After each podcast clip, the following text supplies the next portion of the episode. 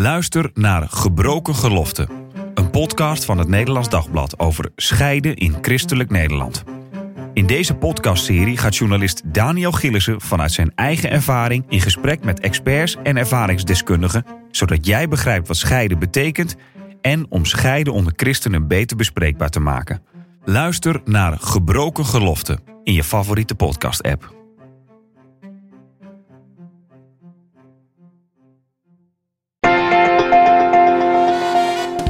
De Sekspodcast.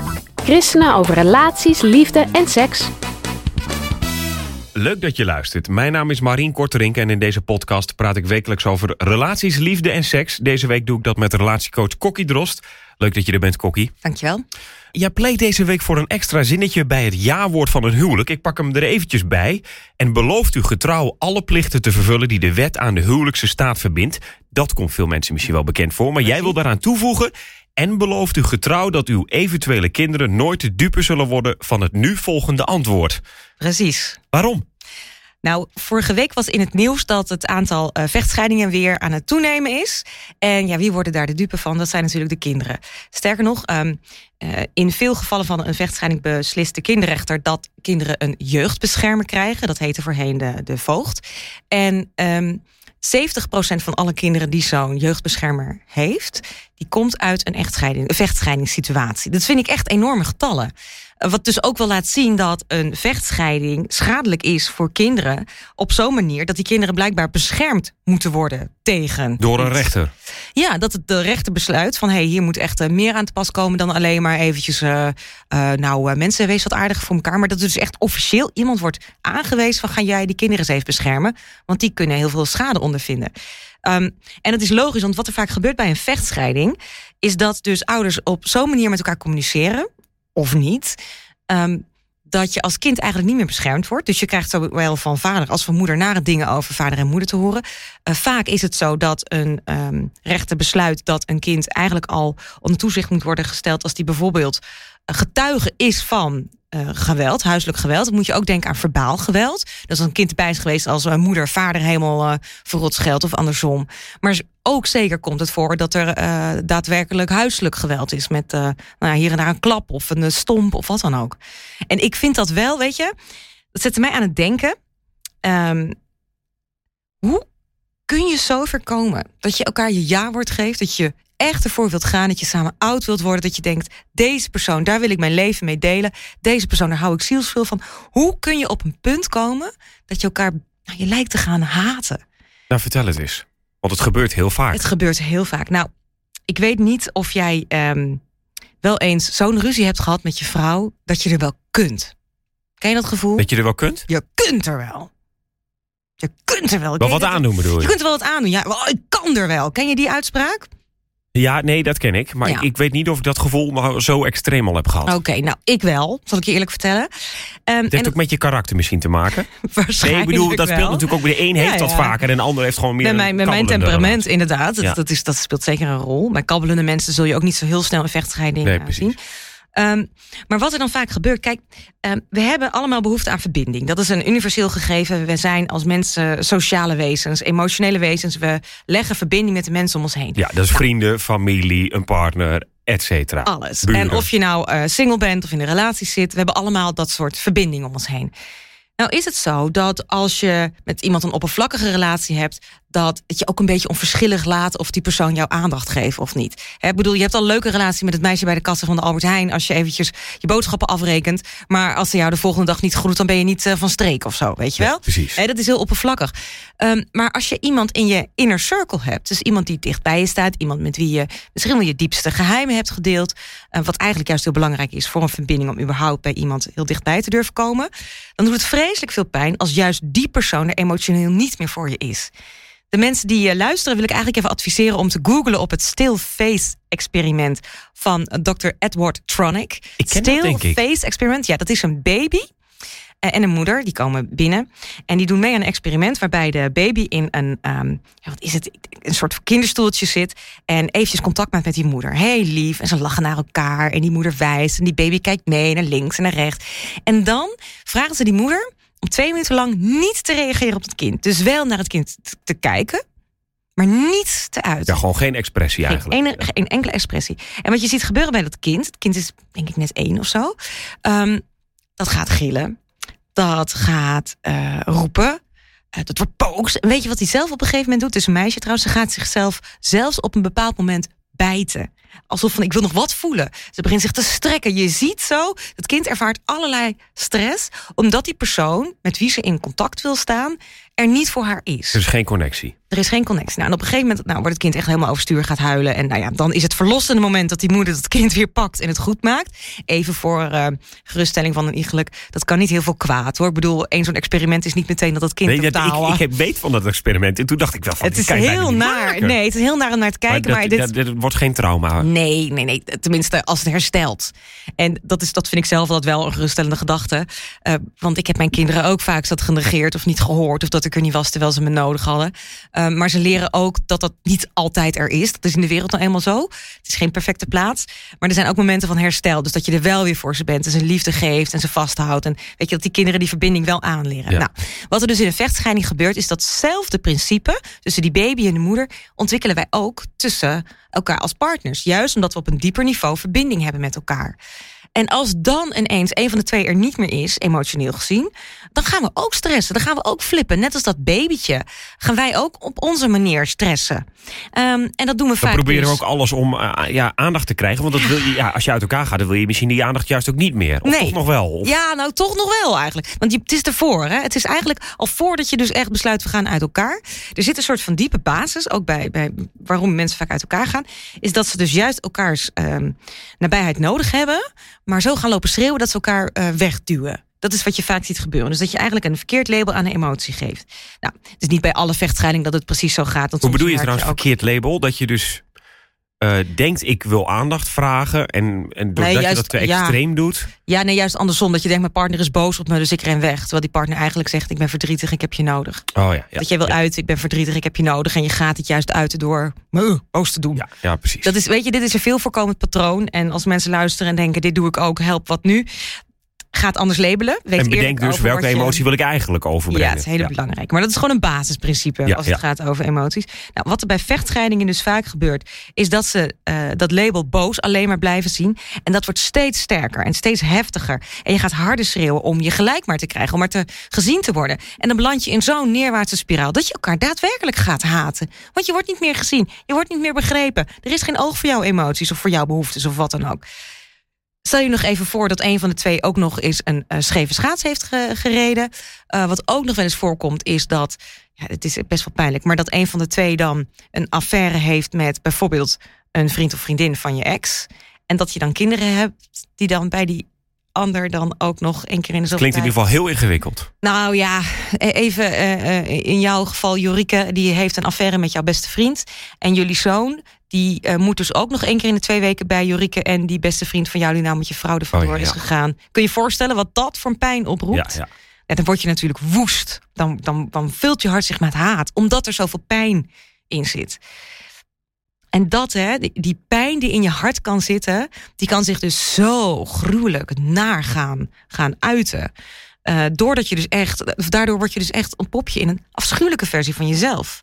Ik, ik mensen in mijn praktijk die dan, waarvan ik weet, het zijn zulke sympathieke, lieve, welwillende mensen. En die worden zulke verschrikkelijke horken en heksen, noemde Jeffrey Wijnberg, een bekende psycholoog het.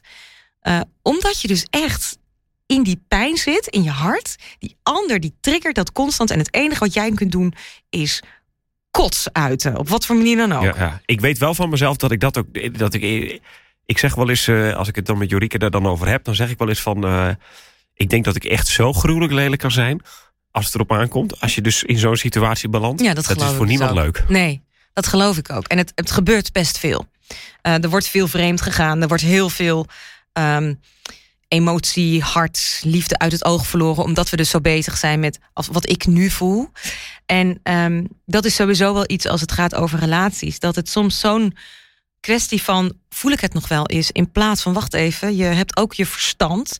En daarom zei ik het ook ehm, inderdaad die extra zin bij het ja-woord. Kijk, je kunt het met je hele hart beloven als je zo verliefd op elkaar bent. Ehm, maar het is ook wel een kwestie van, wacht even, denk ook even nuch- nuchter na over hoe het is als je ouder wordt met Ja. elkaar. En daar dacht ik dus over na. En toen dacht ik, dat is natuurlijk mooi, dat extra zinnetje. Maar die belofte, überhaupt van altijd bij elkaar blijven... dat halen we tegenwoordig ook al een hele hoop mensen niet 40 meer. haalt dat niet. Dat Nee. is echt heel Dan word je veel. er ook cynisch van. Dan denk je, ja, wat heeft het eigenlijk überhaupt nog voor zin om het te beloven? En dan kan ik dit zinnetje er wel aan toe eh, extra aan toevoegen. Die beloftes worden überhaupt al niet nagekomen. Nee, zo'n zinnetje gaat het natuurlijk ook niet veranderen. Zo'n zinnetje kan het wel even bewust maken. Ja, van hallo, je trouwt niet alleen maar eventjes om het samen leuk te hebben... maar een belofte aan elkaar, ja hoor, trouwen... samen een gezin stichten heeft heel vergaande consequenties... voor je eventuele kinderen. En nu is het gelukkig ook zo dat de koppels eh, in staat zijn om heel... ja, wat is het, gedegen uit elkaar te gaan. Weet je, ik denk dat... Ja, want hoe, hoe, eh, jij zegt dat nu, hè? Je kunt ook normaal uit elkaar gaan. Ja, Je nou ja. steeds vaker vechtscheiding.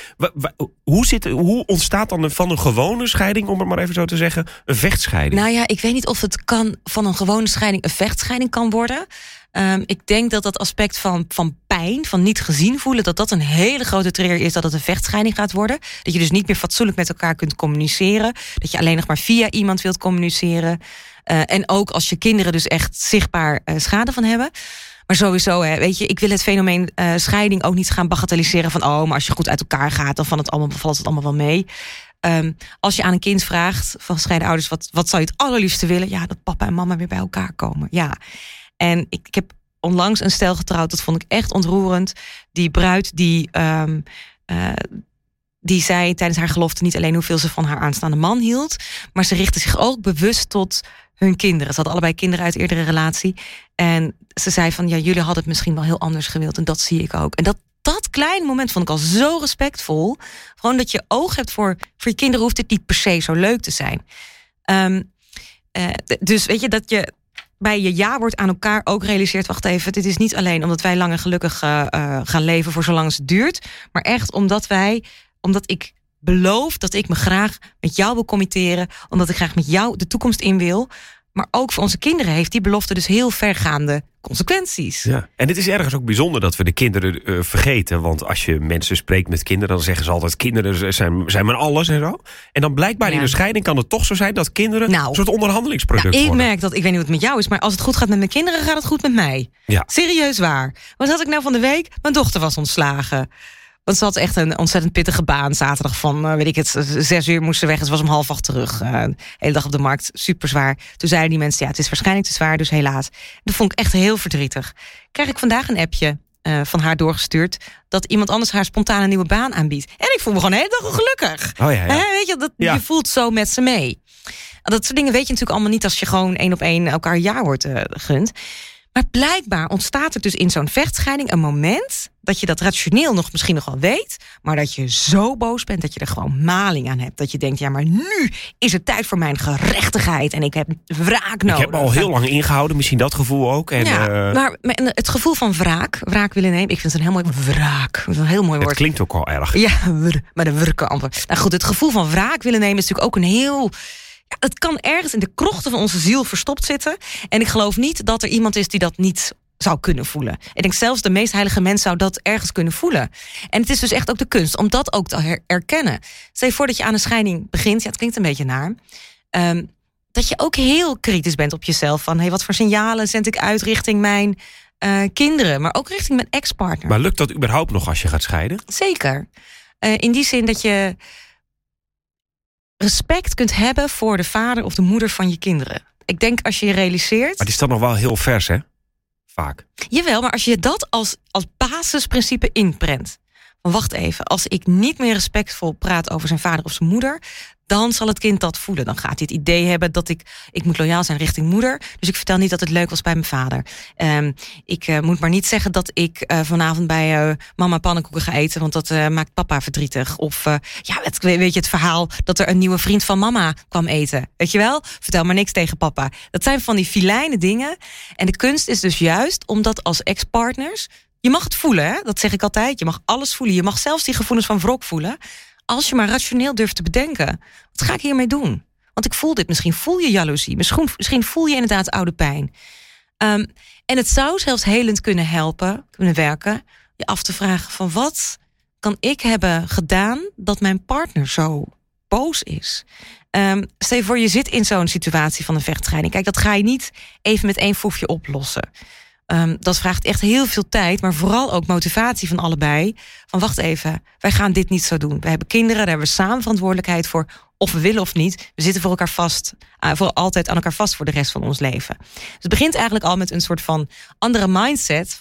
Het gaat even nu om onze kinderen en niet om onszelf. Maar ik merk dat. Um... Maar iedereen, het wordt dan toch ieder voor zich op een bepaalde manier. Ja, ja, dat, dat is dus de ellende. Dus het is heel belangrijk dat je dus wel... Wacht even, we hebben samen die kinderen. Ik denk dat dat heel maar lukt dat? is. Zie jij uh, stellen, Ja, dat zie ik maar, echt uh, gebeuren. Is ja, het goed nieuws ja. dat dat kan? Het kan. Het kan echt. Het kan echt. En dat betekent niet dat er geen pijn is of ruzie... of dat het altijd... Oh, wat is het gezellig. We zijn elkaars best, beste vrienden. Dat kan ook wel.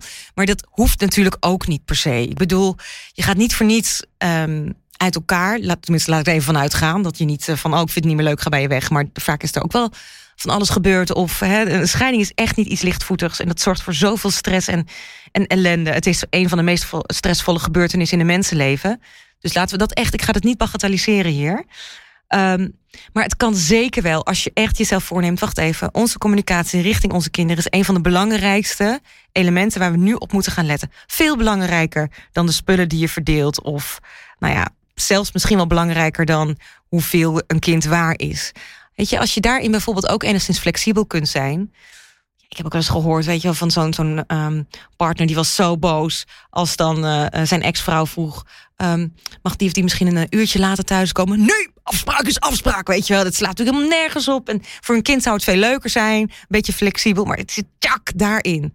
Ja, op een gegeven moment ging dat zo dat, dat die vrouw dat gewoon niet eens meer vroeg. Want dan wist ze toch al ja. uh, hè, dat het weer pijn en teleurstelling werd. Maar kinderen ja. daar dus eigenlijk niet mee belasten. Is dat ook de oplossing, zeg maar? Uh, ja, ja, met, kinderen, want, want kinderen... je krijgt natuurlijk wel inderdaad wat mee soms. Uh, inderdaad van een nieuwe vriend. Dat maar niet zeggen. Je wil niet dat een kind denkt... ik moet schipperen, ik moet dat daar niet zeggen en dat daar niet zeggen. Dat wil je een kind natuurlijk niet aandoen. Maar nee. ontkom je eraan? Nee, ontkom je natuurlijk niet helemaal aan. Uh, simpelweg omdat... Uh, de situatie zoals die was, van papa en mama zijn bij elkaar. Kijk, een kind weet niet anders, hè?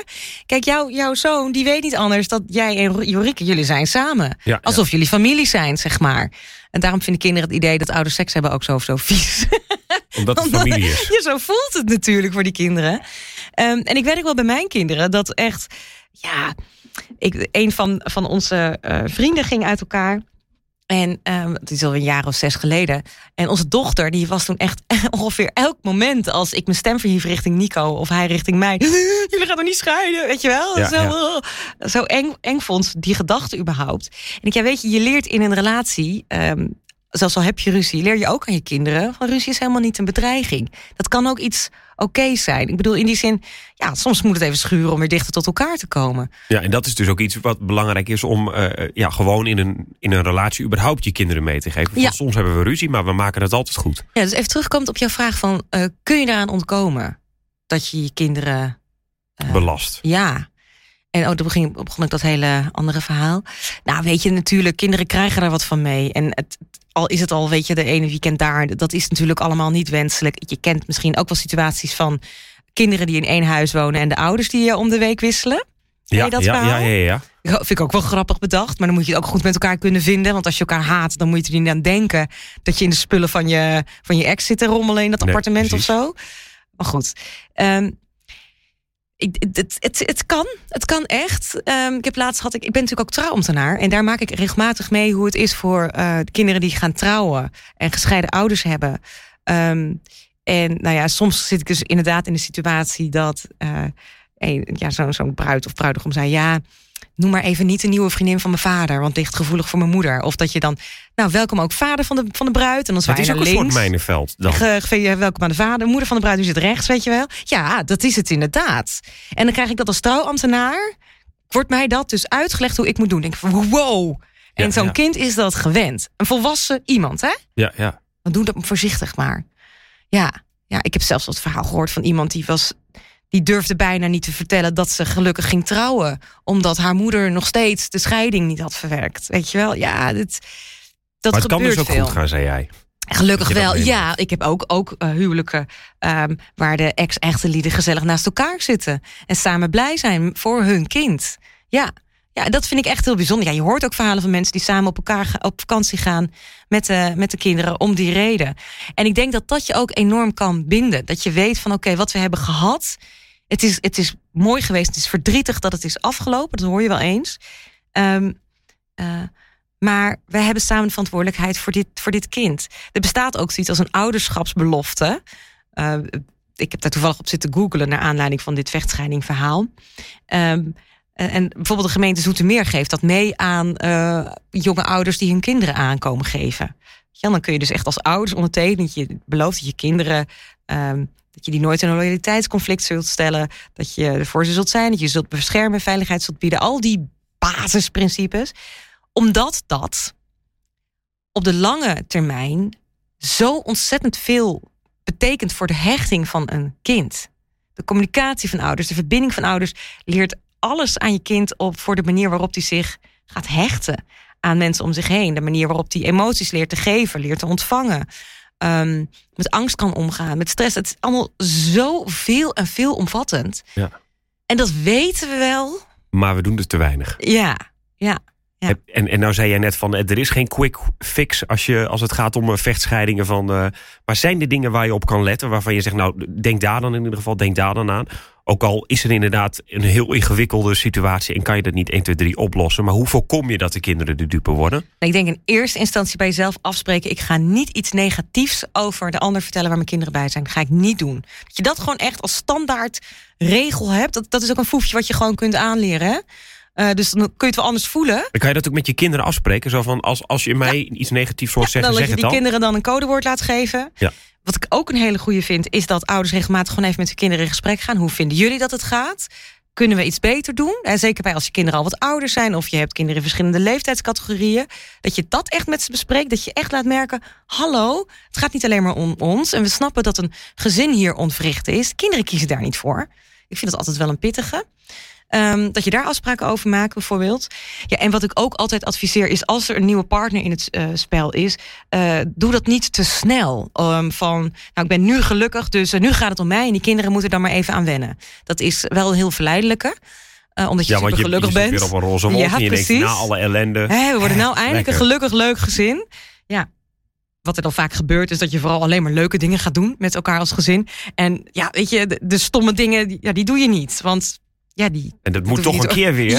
Ja, die was die Dus- kan niet eeuwig blijven Nee, liggen. nee. En eigenlijk zijn juist de momenten dat je dat dan moet gaan, rustig moet gaan communiceren, echt gewoon de alledaagse momenten. En die pretparken bewaar je maar eh, Voor later. voor later een keer of Als zo. minder leuk is. Ja.